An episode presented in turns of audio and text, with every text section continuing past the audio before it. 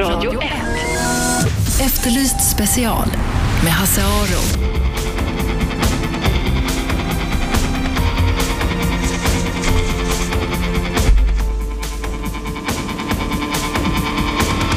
Hej och välkomna hit Efterlyst special, radio 101,9 i Stockholm. Eh, Det har varit en dramatisk dag i Norge med rättegången mot Anders Brei, Behring Breivik. Det eh, sket sig från start kan man säga redan dag två. Det ska vi prata om alldeles strax. Min gäst idag är Dick Sundevall, kriminalreporter, eller kriminalmurvel kan man nästan säga. Va? Ja. Du, tyck, eh, du har varit med länge i den här branschen som jag också gör några försiktiga armtag i. Eh, till skillnad från mig så har du fått Stora Journalistpriset för eh, din rapportering om Joy Raman. Nej, jag fick det inte. Jag var nominerad. Ja, förlåt. Janne Josefsson fick det för valstugereportaget i år. Ja, det var samma år. Ja. Med lite guldspadar och lite annat. Ja, men Joy Raman var alltså en man dömd till livstid för mord som sen gick fri efter ett antal reportage. Ja. För att samma... Han satt i åtta år och sen jag gjorde tre dokumentärfilmer, lite radioprogram och en helsikes massa artiklar. Det tar lite tid innan man kan Ja. ändra en sån där sak. Och det går inte att sluta när man har träffat och lärt känna hans barn. Det gick inte. Nej. Men det lyckades och han eh, släpptes, fick ett rekordskadestånd. Ja, drygt 12 miljoner. Sen åkte han till eh, Pakistan, Ja, Bangladesh. Bangladesh. Han är ju ja, där. därifrån, så han och familjen pendlar väl lite mellan Bangladesh och Sverige. Hur gick det? Så han, där blev han anklagad för någonting, ett mord. Ja, och satt häktad och släpptes sen. Så nu är han fri igen. Ja. Vi ska prata mer med Dick Sundevall under eh, programmets gång, men vi ska börja i Norge med rättegången mot eh, massmördaren Anders Behring Breivik. Det var, som jag sa tidigare, en dramatisk dag i Oslo tingsrätt. En av de tre nämndemännen, Thomas Indrebø heter han, tvingades avgå. Han hade nämligen i ett kommentatorsfält på tidningen Världens Gangs nätsida redan dagen efter dåden skrivit att Breivik borde ha dödsstraff. Dödsstraff är det enaste rättfärdige i denne saken, hade han skrivit. Och det var inloggat från hans eget Facebook-konto. Och idag erkände han att det var han som skrivit inlägget och försvaret krävde därför att han skulle avgå. Så när rätten samlades klockan nio i morse för att eh, höra Anders Behring Breivik själv så inleddes alltihop med en paus där man eh, diskuterade saker med nämndemannen och när förhandlingarna återupptogs meddelade rättens ordförande Wenche Elisabeth Arntzen följande. I henhold til domstolsloven paragraf 108 kan ingen være dommer i en sak dersom det foreligger særegne omstendigheter som er skikket til å svekke tilliten til hans uhildighet. Meddommer Indrebø har på internett gett uttryck gitt uttrykk for at tiltalte bør straffes med døden. Retten legger til grunn at hendelsene 22.07 skapte sterke reaksjoner hos mange innbyggere, og at disse reaksjonene kom til uttrykk på forskjellige måter. Indrebøs reaksjoner kom lenge før han ble trukket ut som meddommer. Hans uttalelser er imidlertid egnet til å svekke tilliten til om han vil vurdere skyldspørsmål og eventuell straffutmåling uhildet. At aktor, forsvarer og koordinerende bistandsadvokater krever at han viker sete, er tillagt vekt i rettens vurdering. Retten har også lagt vekt på at alle meddommerne i flere møter er blitt spurt om de har uttalt seg om skyld eller straff i 22. juli-saken, og alle har benektet dette.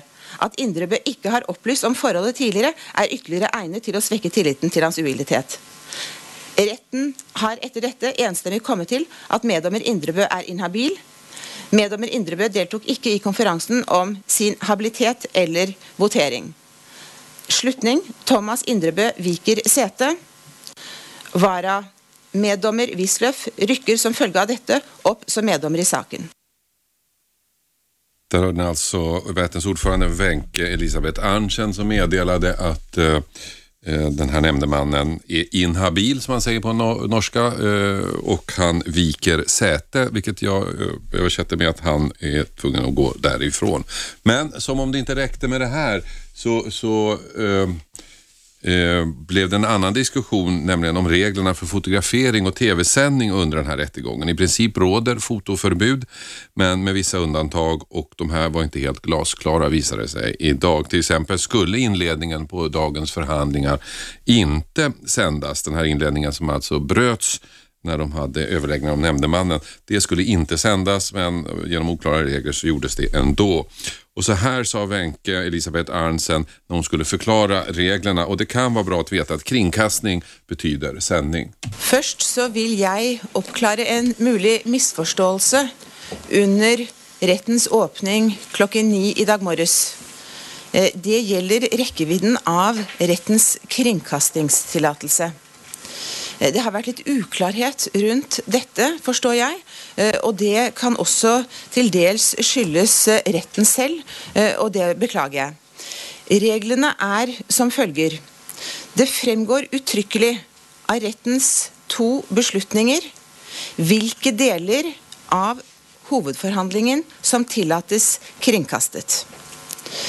Når det er tillatt kringkasting, så er det også tillatt med stillbilder til en poolordning, og det er fra to kameraer i salen.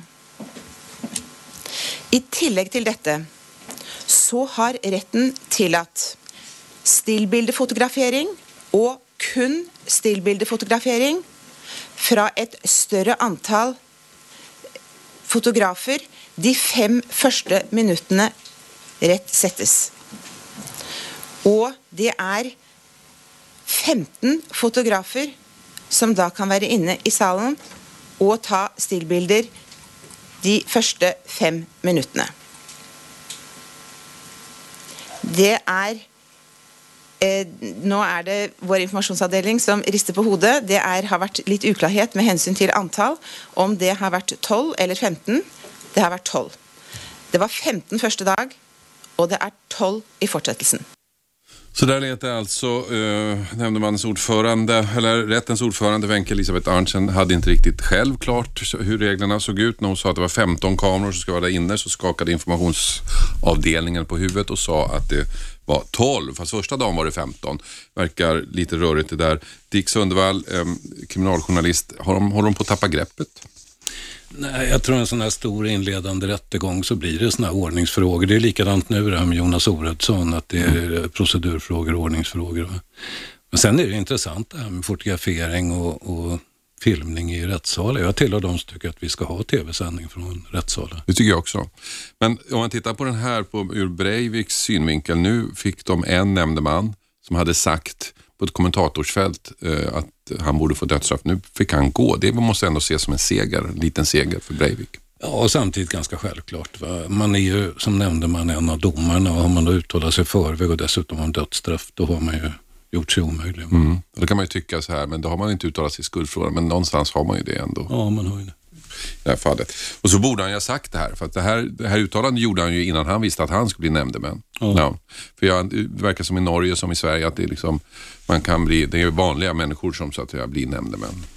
Ja, det är lite rörigt till och från med nämndemännen även här. Ja, det kan man lugnt påstå. det var väldigt uttryckt. Det här påminner om en annan rättegång, den första styck, styckmordsrättegången mot den så kallade obducenten och allmänläkaren någon gång på 80-talet, kommer jag inte ihåg exakt. Den fick tas om därför att en av nämndemannen efter att förhandlingarna var avslutade men före domen hade sagt till någon att det är klart att de är skyldiga.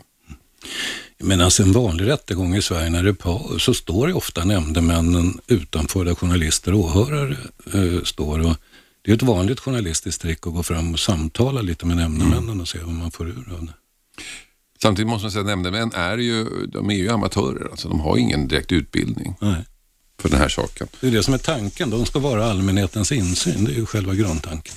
Jag tycker jag gillar den tanken och det är lite det som ligger bakom eh, att jag tycker att man ska ha tv-sända rättegångar. Därför att eh, jag menar när man börjar med rättegången så fanns inte, när man börjar med den här regeln att, det ska, att vem som helst ska kunna gå in och se att det går rätt till så fanns det inte möjlighet att sända.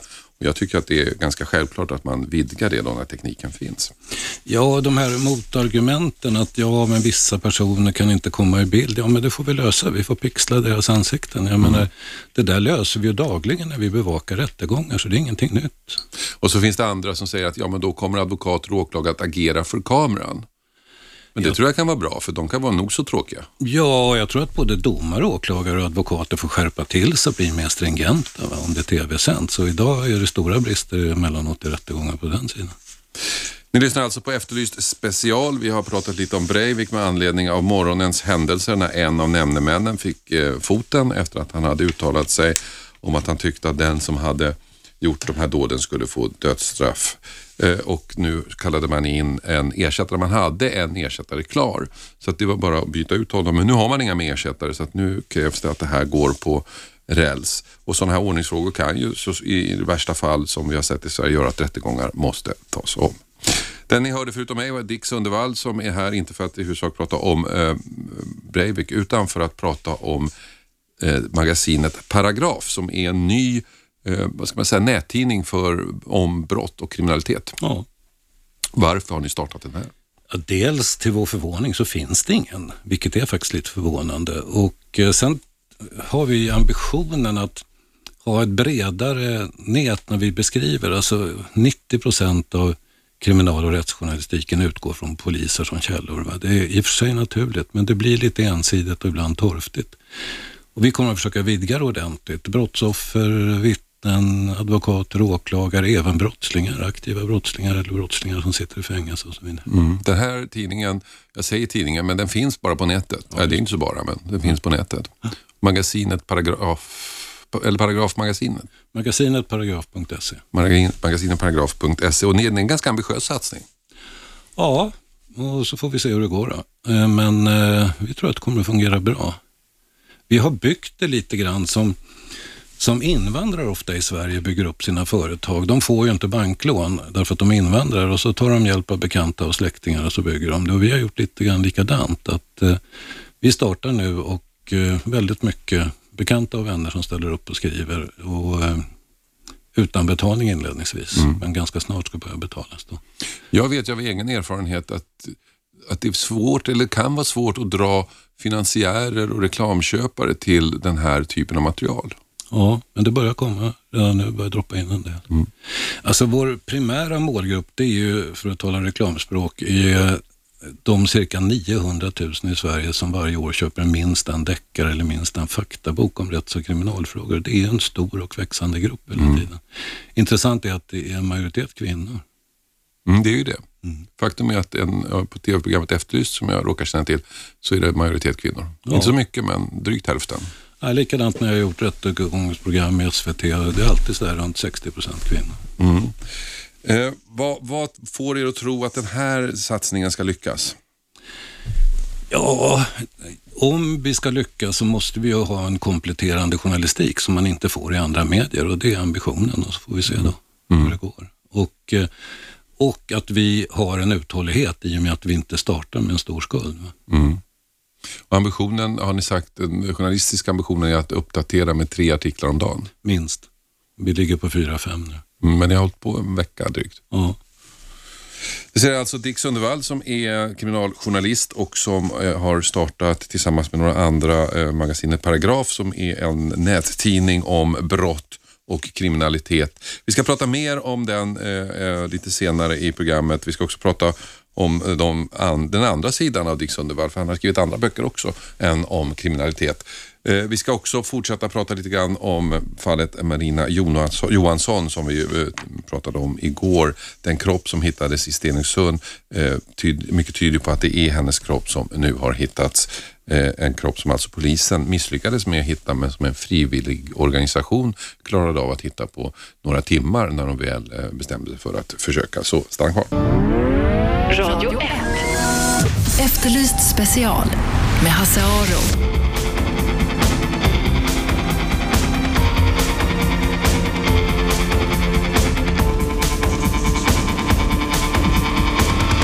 Välkomna tillbaka till Efterlyst special. Jag sitter här med Dick Sundevall, kriminaljournalist, varit med länge eh, och som nu har startat en nättidning, magasinet Paragraf som handlar om brott, journalistik och kriminalitet. Eh, återigen, eh, Dick, för de som inte var med, varför har ni startat den här? Dels för att det till vår förvåning inte finns någon. va. Det är faktiskt lite underligt med tanke på att intresset för kriminal och rättsfrågor ökar ju ständigt. Eh, och för att vi har en journalistisk ambition om en liten annan, eller annan journalistik, en bredare kriminal och rättsjournalistik. Mm, bredare på vilket sätt?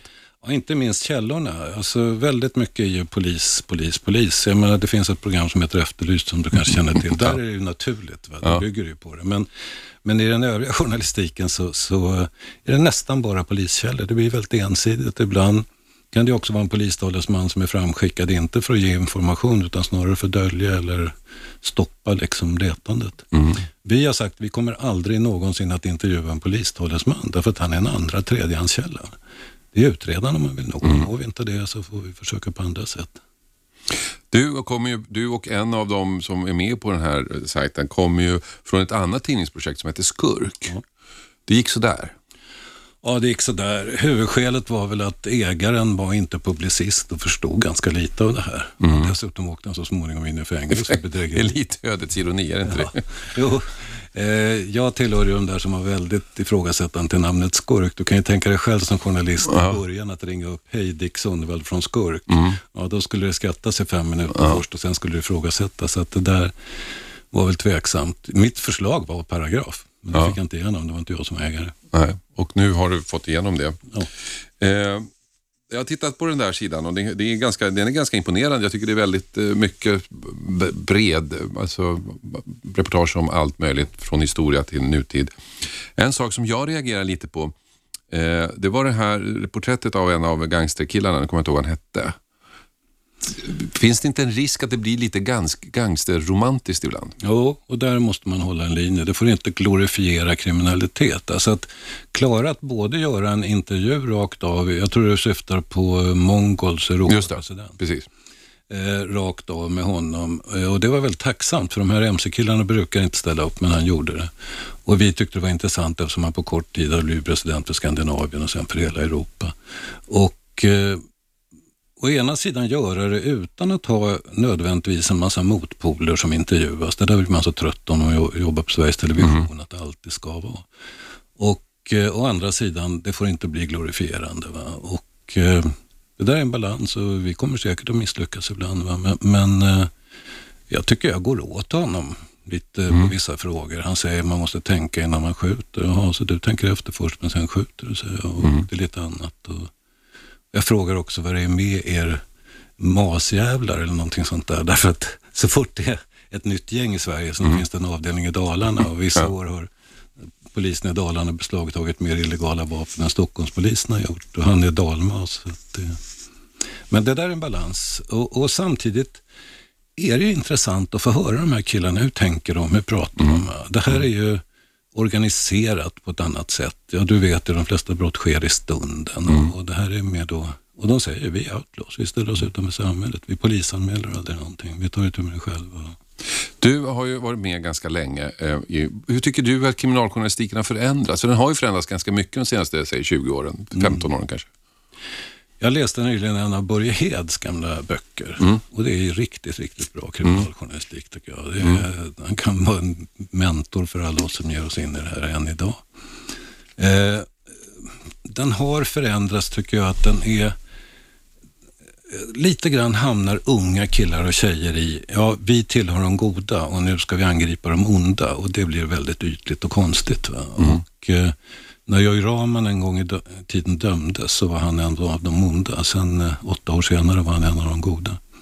Och så enkelt är det ju inte. Jag har undervisat en del i journalistik och jag säger vi får inte hamna i knät hos åklagarna, det är den dömande sidan. Vi ska inte hamna i knät hos någon, men det är mer naturligt att vi hamnar på samma sida som advokaten, den ifrågasättande sidan. Mm. Eh, och Det innebär ju inte att vi ska säga att eh, den ena efter den andra är oskyldig. Du vet hur det är, nästan alla sitter på Kumla och påstår att de är oskyldiga, så är det naturligtvis. Nästan alla. Ja. Jag har inte hört någon, jag har aldrig träffat någon i ett fängelse och säga att de är skyldiga. Nej, är erfaren kriminell så ingår ju det. Ja. Du, du är nästan att betrakta som lite tjallare om du erkänner något brott. Du säger att ska, man ska ställa sig på, på eh, de, den ifrågasättande sidan, för det är staten som åtalar och staten ska bevisa och då ska man vara med på försvarssidan. Jag kommer ihåg en gång, eh, du gjorde ett program, ett helt program tror jag det var, om Miguel Pampin som blev mördad i Norrtälje. Hette han inte det? Där hans fru var inblandad. Ja, inte jag. har inte gjort det. Nähä, Så miss...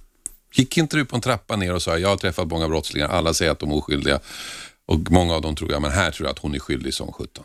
Jo, nu är jag med. Ja. Eh, Det här uppe i Norrtälje, Ja, just det. mordet. Ja. Just det.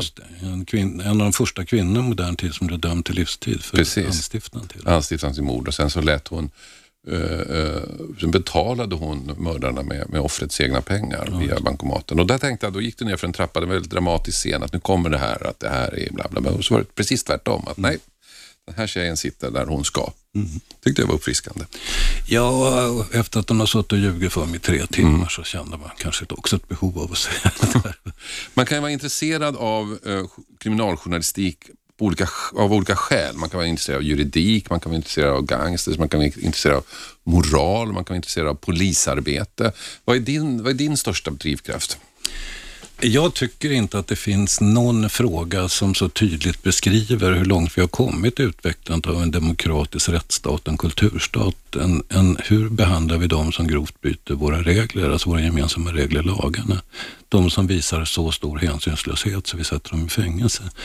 Eh, Det är ett väldigt tydligt sätt det blir i blixtljus på något sätt. Och det där är och ju mer jag håller på, ju gladare är jag att jag inte är domare. Det- alltså det här som tillskrivs indianerna, det här gamla uttrycket att för att döma en man ska du ha gått några mil i hans mockasiner. När man sitter på en rättegång och det är någon som är över 40 och så har han, som det ofta är, gjort någonting. Han kanske har gjort något våldsbrott och tagit några sekunder. Ja, men nu, i 40 år har han skött sig. det, det här tycker jag är väldigt svårt alltså, att hantera. Är det inte också intressant att se vad, vad är ett brott? Vad räknas som ett brott i ett samhälle? Och vi straffsatser säger mycket om de normer och värderingar som samhället har. Och varje år ändras Svea rikes lag på ett antal punkter. Va? Och det finns inget annat land i världen som har samma lagar som vi har. Mhm. Alltså då när jag frågade vid en tillfälle lite domare, beskriv vad lag är. Alltså, ja, det är ett slags ett försök att formulera en minsta gemensamma moral. Och det en annan sa, ja det reglerar graden av hänsynslöshet som vi får ha mot, mot våra medmänniskor. Och är det tillräckligt hänsynslöst så, så kommer brottsbalken in och där någonstans ligger det. Det finns ju lagar som så att säga är självklara i alla kulturer. Man, man får inte slå ihjäl varandra. Nej. Och så finns det lagar som liksom eh, inte alls är självklara. Jag menar på idag, det värsta du kan göra, det mest moraliskt fördömande du kan göra idag, det är att vara pedofil. Då är du rökt på riktigt i, i allmänhetens ögon. På 70-talet så fanns det ju föreningar som propagerade för att barnsex skulle tillåtas. Så det visar lite grann att moralen förändrats och lagen med den. Och ja, I början av 60-talet så var ju påföljderna för narkotikabrott ungefär som för fortkörning. va? Vi kanske kommer tillbaka dit. Idag åker du på 12-14 år. Vi ska fortsätta prata med Dick Sundvall efter pausen. Vi ska prata om olika rättsfall, bland annat ett som är högaktuellt just nu. Marina Johansson som är försvunnen, förmodligen mördad och eh, vars kropp kan vara den som hittades i Stenungsund i helgen. Så stanna kvar. Radio 1. Efterlyst special med Hasse Aro. Välkomna tillbaka till Efterlyst special. Med mig i studion har jag Dick Sundvall som är kriminaljournalist eh, och författare också, samhällsdebattör och eh, nu är aktuell med en ny sajt eh, om brott och kriminalitet som heter magasinet Paragraf. Du har ju varit med så länge som sagt och då undrar jag, av de fall du har råkat ut eller beskrivit på olika sätt, vilka har fascinerat dig? Vad fastnar du för? Det är naturligtvis hemvårdaren Joy Rahman. Det, alltså när jag läste de där domarna, det, började med att jag var på Kumla och gjorde någon reportage för gamla Striptease i Sveriges Television. Och då kom säkerhetschefen och sa att killarna från förtroenderådet vill prata med dig. Jag sa, ja, fem minuter, jag är stressad. Och då sa de, vi har en kille som sitter, du, eller du har väl hört som vad vi har hört, att alla här på Kumla påstår sig vara oskyldiga. Men jag är en första gången jag sitter på livstid och vi tror faktiskt att han är oskyldig. Och då sa jag, se till att han skickar mig papperna, jag ska läsa dem, men annat lovar jag inte. Och där började det. Och, eh, och så läste jag domarna och tänkte han är skyldig som fan. Och sen läste jag förundersökningar och tänkte det var en väldigt tunn soppa. Så döma en människa till livstid på. Och det där jobbet fortsatte sen i omgångar i sex år faktiskt. Det gick inte att släppa det. Framförallt därför att jag lärde känna hans barn på vägen och sen gick det inte att släppa det. Och till slut gick det ju. Men när han frikändes så släpptes han till och med 14 dagar innan man hade formulerat domen. Så säker var man på frikännandet. Men varför tog det sån tid då, tror du, om det var så glasklart? Var, var ligger motståndet?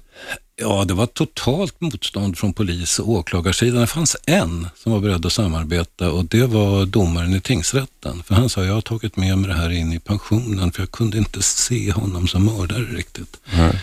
Och min stora svaghet var att jag hade inte varit på rättegångarna och, det var ju, och därför hade jag en väldig hjälp av honom när vi gick igenom det hela och jag bollade tankegångar med honom. Och så han ställde upp och så småningom ställde han upp i Studio 1 och pratade om det här. Sen blev ju han utfrusen bland domare, för så gör man inte. Nej. Och sen ringde han när Rahman var fri och sa, kan du... Det har gått en del misstag kan man säga. Det gäller Marina Johansson från Stenungsund som försvann någon gång i slutet av juli 2010. I augusti då samma år så häktades hennes 38-årige pojkvän men släpptes efter en vecka för det fanns ingenting och ingen visste vad Marina var och, och någon kropp fanns inte heller. Sen eh, gick det då drygt halvår så den nya hyresgästen som hyrde Marinas lägenhet hyrde den då delvis möblerad Eh, och i sängen så hittar hon en blodfläck som visar sig vara Marina som polis bestämmer sig för att gå ut i trakterna kring Stenungsund för att leta efter Marinas kropp. Och de behöver inte leta särskilt länge. Det tar inte ens en dag tror jag så hittar de, eh, det som de, eh, hittar de en kropp som låg in. Det är ingen tvivel om att kroppen inte har hamnat där av naturliga skäl för att uttrycka sig försiktigt. Peder Killeström var den som ledde den här aktion- aktionen och så här beskriver han vad som hände. Ja, vi hade ägarna som det hade valt ut att undersöka extra noga. Och hur, hur kommer det sig att ni överhuvudtaget engagerar er i det här? Det, det är väl för att man vet att polisens resurser är ju väldigt begränsade. Och fler frivilliga kan hjälpa. Och sen så hittar ni den här kroppen. Det låter ju väldigt lätt. Var det så enkelt? Ja, ja, vi har gjort ett enormt förarbete i detta. Vi har jobbat tre personer under ett par månaders tid med att granska eh, försvann. Såg du själv kroppen? Ja, jag var ju själv på plats och eh, tog del av fyndplatsen och eh, det paketet om man vill benämna det så. Mm. Kan du beskriva hur det såg ut? Det, det var ju en plast eller presenning. Det var svårt att bedöma det på plats. Det låg väldigt väl gömt. Ehm, Den eh, patrulledaren som var med den patrullen som stötte på fyndet. eh, Paketet?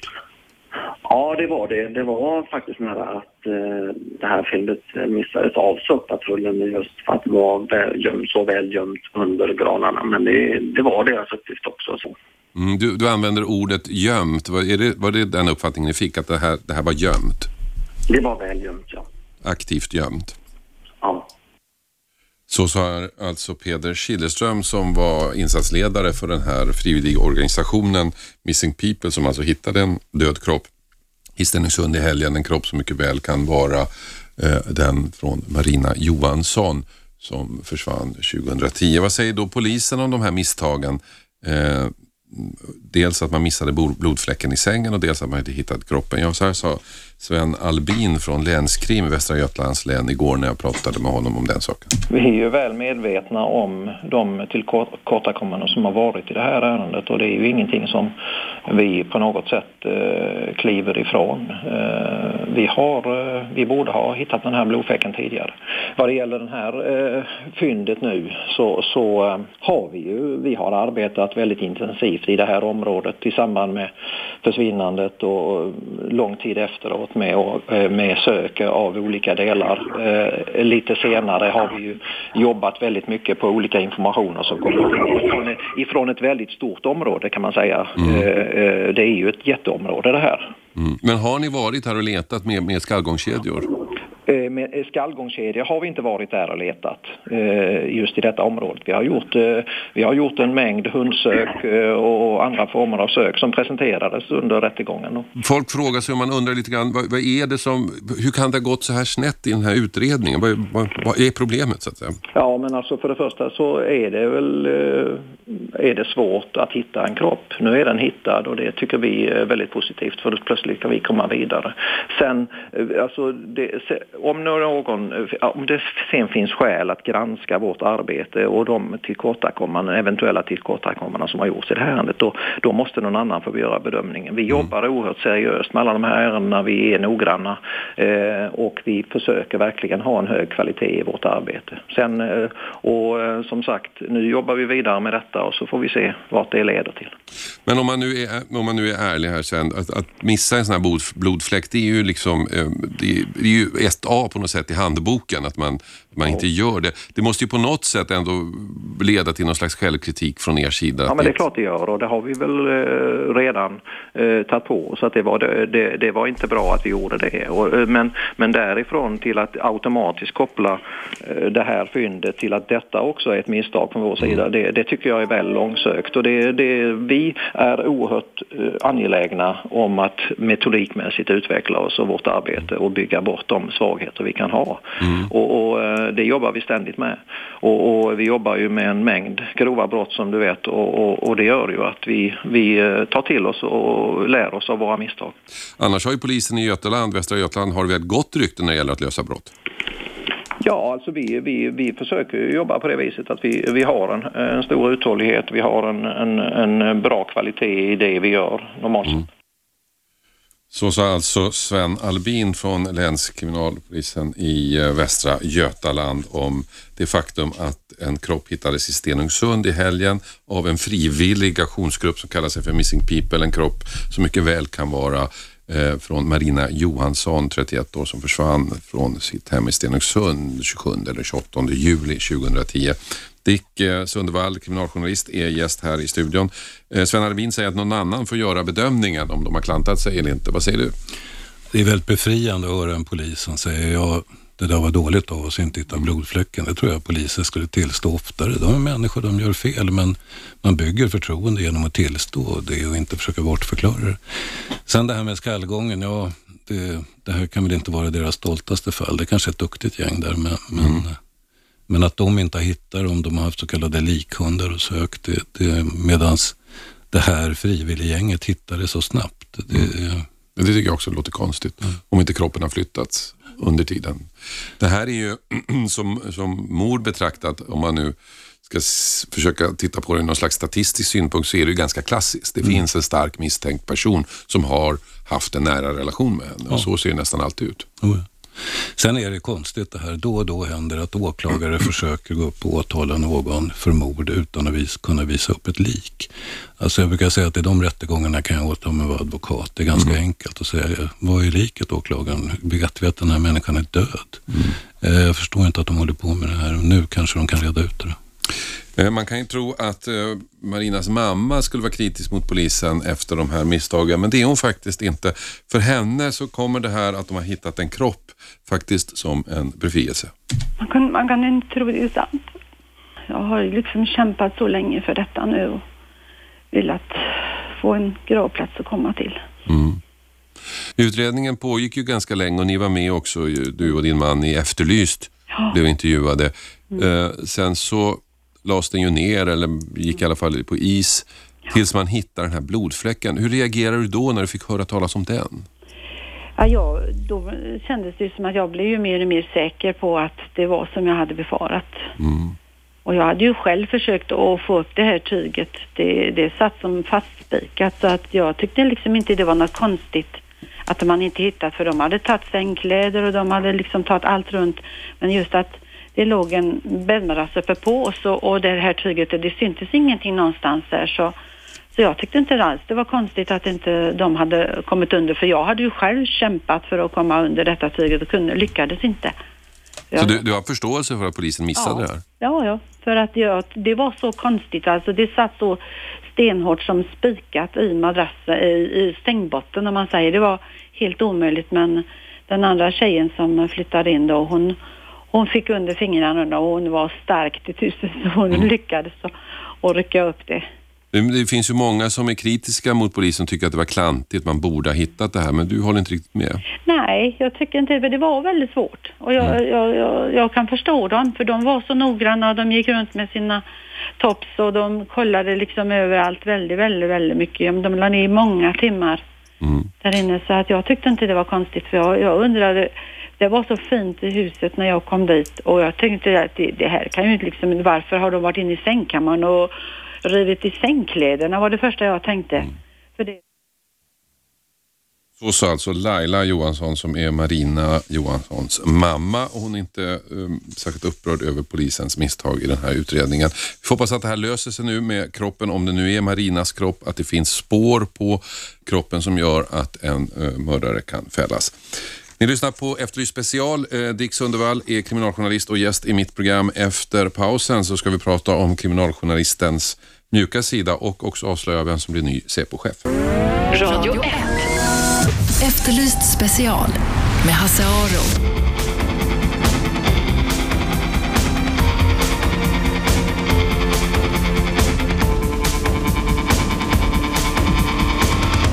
Välkomna tillbaka Efterlyst special. Ni lyssnar på och eh, min gäst Dick Sundevall är här, kriminaljournalist som har startat nättidningen Magasinet Paragraf, en tidning om kriminalitet och brott. Och i det nummer, jag vet inte om man pratar om nummer, men i en artikel i tidningen eh, så spekulerar du lite grann om frågan om vem som ska bli ny Säpochef. Vi saknar nämligen en Säpochef just nu. Och berätta, hur går dina tankar? Nej, alltså skvallret på justitiedepartement och poliskorridoren, det rör sig runt fyra namn. Eh, de kända namnen är Thomas Bodström och Karin Götblad som är avgående länspolismästare i Stockholm. Nu kommer inte jag ihåg de två andra namnen, men en ja. är statssekreterare i justitiedepartementet och en har väl varit vice CP-chef. Och jag mm. tycker det är väldigt viktigt att vi har en Säpo-chef som är en duktig, kunnig jurist och som förstår utan att det behöver bli opinion att, att det finns gränser mot storebrorsamhället och polisstaten som inte minst Säpo-chefen måste hålla. Jag tycker den förra Säpo-chefen när vi hade det här terroristgrejen på Drottninggatan framträdde och var väldigt klar mm. den frågan. Men inte minst journalister sa, varför visste ni inte det i förväg? Och han sa, ja men det finns ju gränser för vad vi den koll vi har. Ska vi ha kameror överallt? Ska vi ha mikrofoner överallt? Och det, det ingår förtroende. Varför, ja, varför slutade han? Det kom lite plötsligt tyckte jag. Jag vet inte. Ryktet säger då att det är för att bereda plats för, för Karin Götblad som också slutar. Hennes förordnande har ju gått ut. Hon har ju haft ett och ett halvt, ett och ett halvt förordnande, vilket är normalt. Mm. Medan Säpochefen hade ett. Men alltså alla siffror är glasklara. Hon är en misslyckad polischef. Alltså, det är enkel statistik i Stockholm vad hon har åstadkommit och inte åstadkommit under sin tid. Eh, Leif GW Persson eh, sammanfattade med, hon har varit bra på en sak och det är sin personliga PR.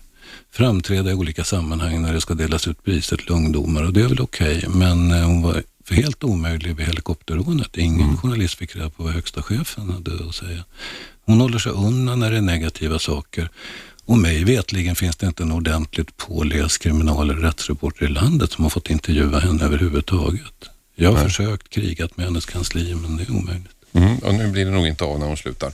Du, vi ska lämna ditt hjärteämne kriminaljournalist journalistiken. Du har skrivit andra böcker också. Det är tre böcker här som på något sätt inbillar jag mig speglar, speglar din, ditt sociala liv. 94 skriver du en bok om hur det är att bli pappa. 99 skriver en bok om hur det är att skilja sig. Och 04 skriver ytterligare en bok om hur det är att bli pappa. Man anar någon slags själv självupplevd erfarenhet här. Man behöver inte gräva så hårt som journalist för att hitta ett mönster där. Jag blev förvånad. Faktum är att när jag blev pappa då, eh, skulle bli pappa för tredje gången, också ett särkullsbarn om man får använda det uttrycket, så såg jag din bok där på, vilken av pappaböckerna vet jag inte, men på, på där man köper bebisgrejer överhuvudtaget. Varför skriver du en pappabok? Eller två stycken? Ja, jag var lite undersysselsatt den sommaren när jag väntade mitt tredje barn. Och så hade jag pratat med barnmorskan, för det hade gått 16 år sedan jag fick mitt andra barn. Och så sa jag, vad, vad finns det för papper? Eh, att läsa för papper? Ingenting, sa hon. Jag har ingenting att sätta händerna på en blivande förstabarnspappa. Och då hade jag börjat skriva lite tankar som inte var tänkt för en bok. Men jag skrev lite funderingar till det kommande barnet. Alltså det här är inget ovanligt. När man är i 40-årsåldern och får ett barn, då har man stannat upp och tar sig mer tid och uppmärksamhet än vad man gjorde tidigare. Och då var det någon kompis som läste det där och sa, det där måste du fan publicera. Och då skickade jag, jag tror det var hundra sidor till några förlag. Och morgonen därpå ringde ett förlag och sa, det här ska vi ha, skriv färdigt. Och eh, den där har sålt nu i det är över 80 000 exemplar. Mm. Alltså, de är ju ständigt aktuella. Det är som, ja. som affärsidé är det ganska bra. Ja, det föds 100 000 barn om året ungefär. så att det är nytt hela tiden. Skulle man tänka det rent kommersiellt så skulle man ju ha det där, du föder barn, du gifter dig, du skiljer mm. dig och du dör. Det är ganska säkra kort. Men, men, eh, jag hade inte en aning om när jag satt och skrev att det där skulle bli min bästa timlön i livet. Mm. Du, eh, vad är då en bra farsa? En bra farsa tror jag är en som, som står för den han är, så att, eh, med fel och brister va? och tillstår det. Att eh, be ungarna om ursäkt om man har varit grinig därför att man egentligen varit bakis. Och, och, och eh, står för att man, man, gör fel. Mina ungar brukar vara polisen, när de, mina stora ungar när de var små och satt i bilen. Nej, det var på gränsen till rätta, var det inte heldraget där? vet ungar, vet ja, Och då brukar jag säga att så länge man bryter en regel om dagen så vet man att man lever. Och det fick jag ju tillbaka när de i tonåren kom hem en timme för sent på natten. Mm. Ja, så länge man bryter en regel om dagen. Mm alla sådana pedagogiska finesser, de misslyckas ofta. Sven Delblanc skrev, eh, jag var bara en vanlig far med alla dess fel och brister, men ja. det var mycket nog. Ja, du vet, det finns någon gammal pappabild i svensk 40 och 50-talsfilm mm. där pappan är något mellanting mellan högsta domstolsdomare och Gud fader. Va? Och alltid har rätt och alltid rätt råder. Det måste ju vara rena befrielsen att hamna på ungdomshem om man har en mm. sån farsa. Men nu är det lattepapporna som är idealet. Ja. Vad tycker du om det? Nej, jag har lite svårt för det, men det kan bero på min ålder. Det Alltså jag har frågat mina stora barn, vad tyckte ni si och så? Släppte jag er för lösa och var jag med för lite? De säger nej, vi ser det som respekt för integriteten snarare. Mm. Liksom. Men det där tycker jag personligen är ett ord som saknas väldigt mycket i föräldradebatten, respekt. Och då menar jag inte barnens respekt för föräldrarna utan tvärtom. Föräldrarnas respekt för barn som, som enskilda individer. De kanske kan lite mindre än vi för de har inte varit med så jävla länge. Men de har ju, de har ju rätt att begära den respekt som individ som vi har. Oh. Som vi tar för självklart. För, för mig och de stora barnens mamma var det lätt, därför att vi insåg ganska snabbt att vår första eh, dotter och sen sonen var så olika som två människor kunde vara och därför insåg vi att de här har inte samma behov och samma intresse mm. och de är väldigt olika i temperament. Så att eh, det, därav blev det en individuell uppfostran. Inte för att vi var så in i helsike extra smarta utan därför att det inte var lätt att se det. Mm. Och det där har sen då lillsyrran haft nytta av naturligtvis. Se de här individerna, de är väldigt olika mm. och det vet man när de är ett år gamla. Så det... De gånger jag gått i taket när det gäller skola och dagis och sånt, det är ju när skolan och dagis gör saker någonting med barnen som man aldrig skulle acceptera som vuxen. Nej. Kollektiv bestraffning för att ta ett exempel. Som, som på en arbetsplats skulle det aldrig funka, men där funkar det tydligen. Jag hade en lärarinna vid kvartssamtal som sa om min äldsta dotter att jag har ett problem med Fia och det är att hon lägger sig i när jag skäller på någon annan elev. Och jag sa vad glad jag blir för det mm. har ingått i hennes uppfostran att stå inte tyst när du ser någon annan behandlas orättvist. Så det får du hantera helt enkelt. Tack så mycket för det. Dick Sundevall, det får bli slutord på eh, den här timmen med Efterlyst special. Vi är tillbaka imorgon igen. Imorgon ska det handla en hel del om rättegången som pågår i Uppsala där två väldigt unga människor, eh, tre unga människor är åtalade för att ha eh, kidnappat en fjärde ung man. Eh, en kidnappning som de flesta, liksom de flesta kidnappningar misslyckades men ändå innebar ett stort trauma och lidande för honom. Något som han idag berättar om i rättegången och det kommer vi kunna spela upp för er imorgon. Så jag föreslår att ni är med oss imorgon också. Efterlyst special mellan 12 och 1 varje vardag här på Radio 101,9 i Stockholm. Ha nu en trevlig dag. Efter mig så kommer Sissi Wallin. Missa inte det. Hej då! 101,9 Radio 1 Sveriges nya pratradio.